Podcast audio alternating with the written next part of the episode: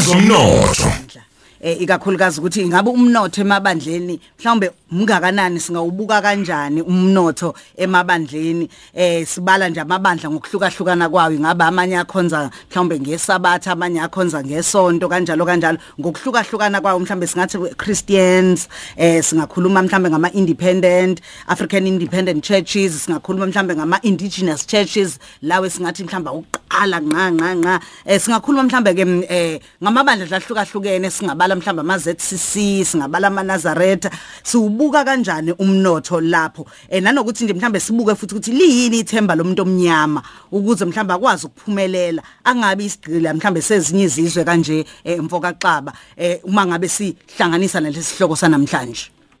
Kunjalo shenge njengoba usuchayile lo mbuzo ithemba lomuntu omnyama kulesi sikhathi liyini ekwazini ukuthi aphumelele emnothweni? Ngoba sihlale sichaza kule ngosi ukuthi sisilele emumva yize kukhona inyathelo ezithile siyithathile eh kodwa sisasilele kakhulu emumva so ngaleyo ndlela ke eh kumele sizame sonke isikhathi kuyibuza ukuthi kuphe singakwenza eh ukwazi ukushintsha lesi simo so sokuthi singabi icela nkobe sakhe umnotho wethu njengesizwe esinsundu. Sake sakhuluma kule ngosi shenge ukuthi eh uma ukhuluma ngomnotho hayi nje ukhuluma kuphela ngemali ukhuluma kodwa nangezakhiwo esinazo njengabantu abampisholo lezi zakhiwo yizo esimele ukuthi sizisebenzise ukuze sikwazi ukugovuza sikhiqize ngazo umnotho akukona ke siqala sikhuluma ngalolu daba shenge esigabeni sa somnotho ohambisana namabandla church economy.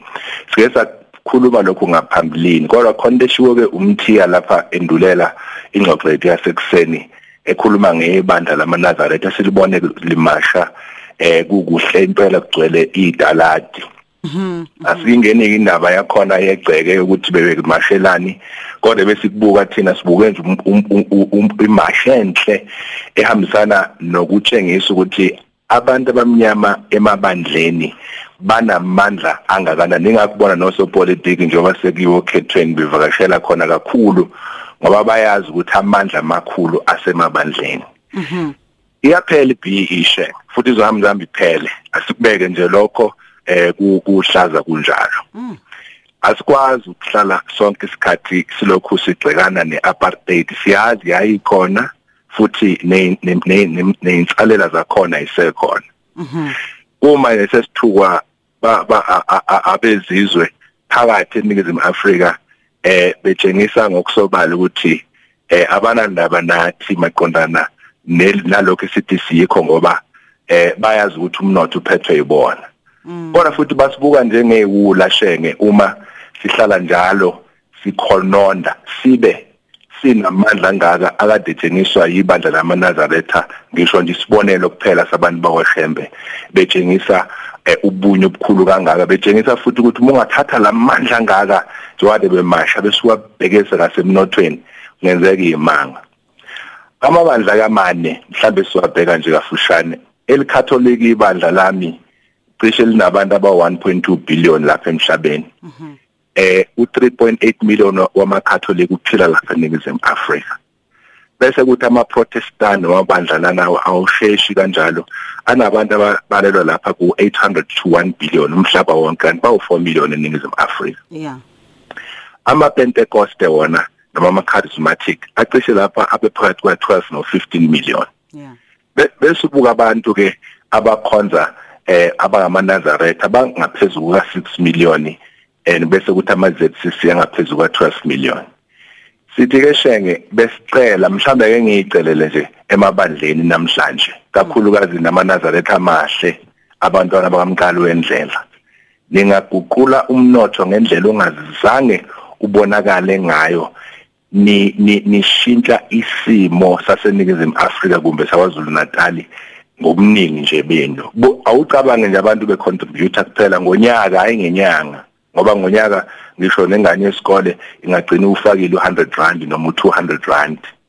Kubantu abawu6 million u6 billion ungaphuma uqhasha noma uma ukhuluma nge1000 nje kuphela noma u200 u1.2 billion. Muthi ukhuluma u1000 ukhuluma ngo6 billion ongaphuma uqhasha. Kulezo zinto mroza kungenzeka izinto ezinkulu singathatha umnotho ngempela siyeke ukudelelwa ngabafo nkosazana.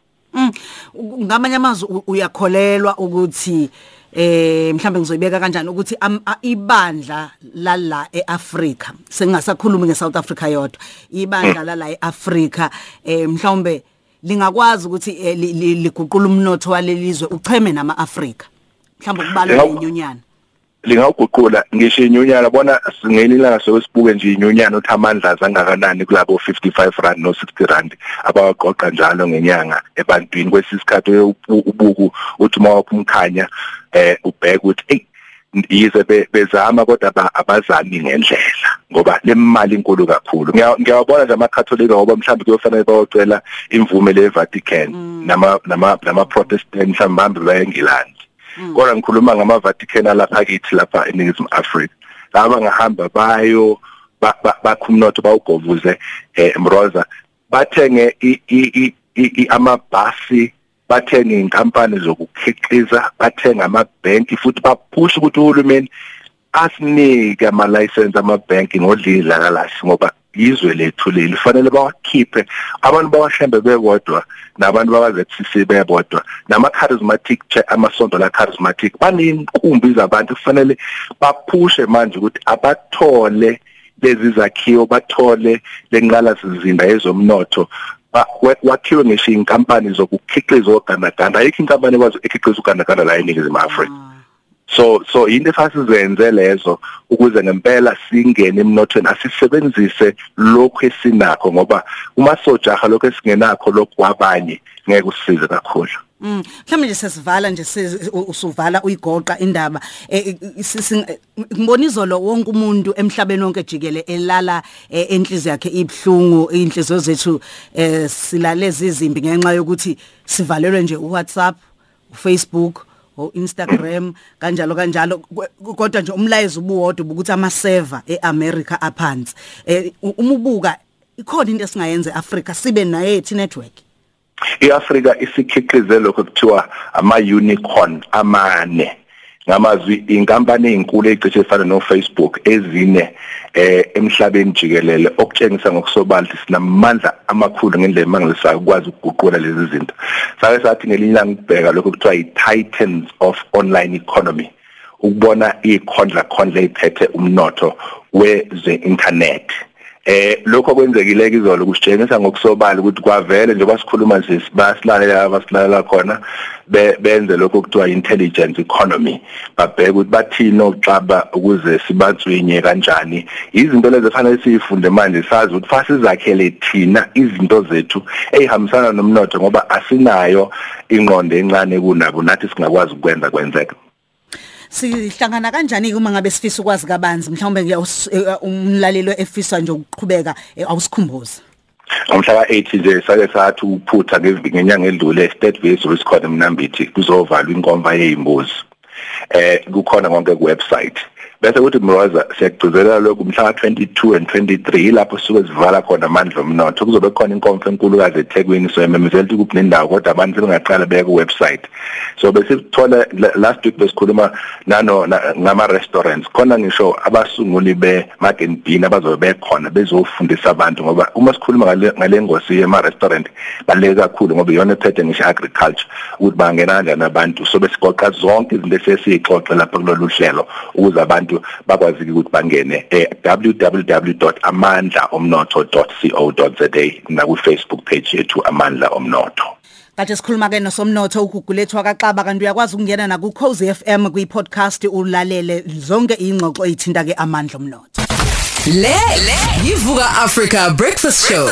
Ukhosi FM. Lo phambili.